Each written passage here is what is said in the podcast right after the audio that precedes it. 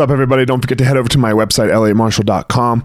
Um, we have a couple days left for both the blueprint and for uh, the Maui retreat. So, a couple days left on both of them. So, head over to the website, elliottmarshall.com. Reserve your spot. I think there's only two spots left on the Maui retreat. So, let's go. What are you waiting for? Amazing vacation in Maui.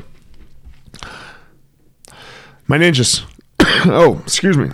I hope you're doing well on this Memorial Day, Monday, whenever. Uh, whenever it is or whenever it is you're listening to this. First of all let's let's just give a thank you to all of the all of the fallen soldiers that have uh, given their lives for our country on this memorial day and for uh, our freedom and and everything it is that is amazing and and not amazing about the country. That's what they gave their life for you know?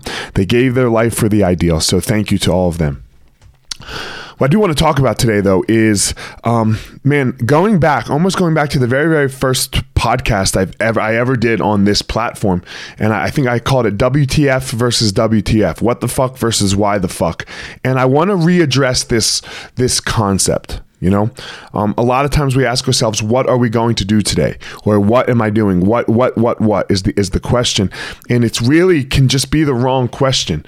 Um, we want to more be looking at why why am I going to do this? Why am I doing this? Why am I acting in this way?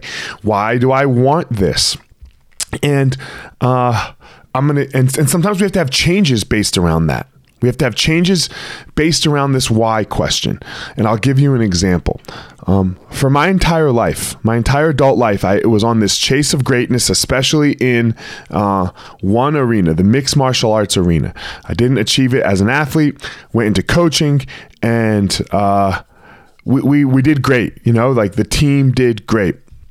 And then a couple years ago, uh, I was uh, a little disenfranchised, going a different way. Think you know, and, and I stepped back from the head coaching role. Right, I was the head coach of Elevation Fight Team at the time, um, and I had stepped back from it, but still coaching, and the school st- and the team still running out of out of the school, out of the Easton Denver location. And then a couple of the fighters, I don't know, end of last year approached me and asked me to be the head coach again, possibly be the head coach again. And I was going to do it. I was literally going to do it, even though uh, I was enjoying not being the head coach. And uh, I sat down with my therapist and I told her this. And she looked at me, Elliott, why in the world would you want to do this again? There's nothing about your life that you've told me that you wanted to go in this direction. And she asked me, Elliott, if you can get outside of ego and uh, the fear of this not being part of your life anymore because it's been part of your life for so long. So ego and fear to you know um, get get outside of that, then then you should go do it.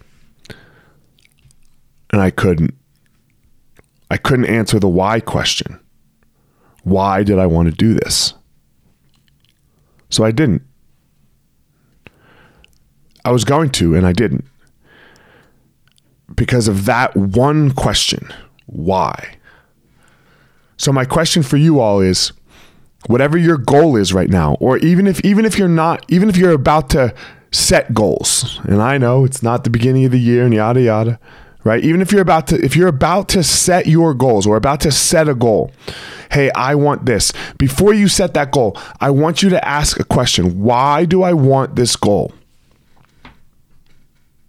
what is it about it that is going to make me feel fulfilled?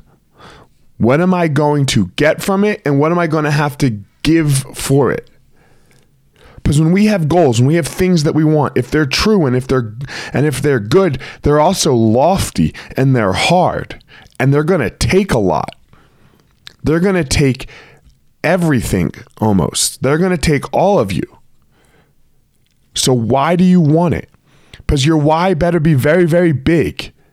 Because if it's not big, you're going to quit. And then when you quit, you're going to be a little depressed. And then when you're a little depressed, then, you know, your life starts to go a little downhill. So why do you want it? Why do you want to do this thing that is going to be very hard, that is going to be very difficult, that is going to take a lot of your time and your energy. It's going to take away from other things. Why?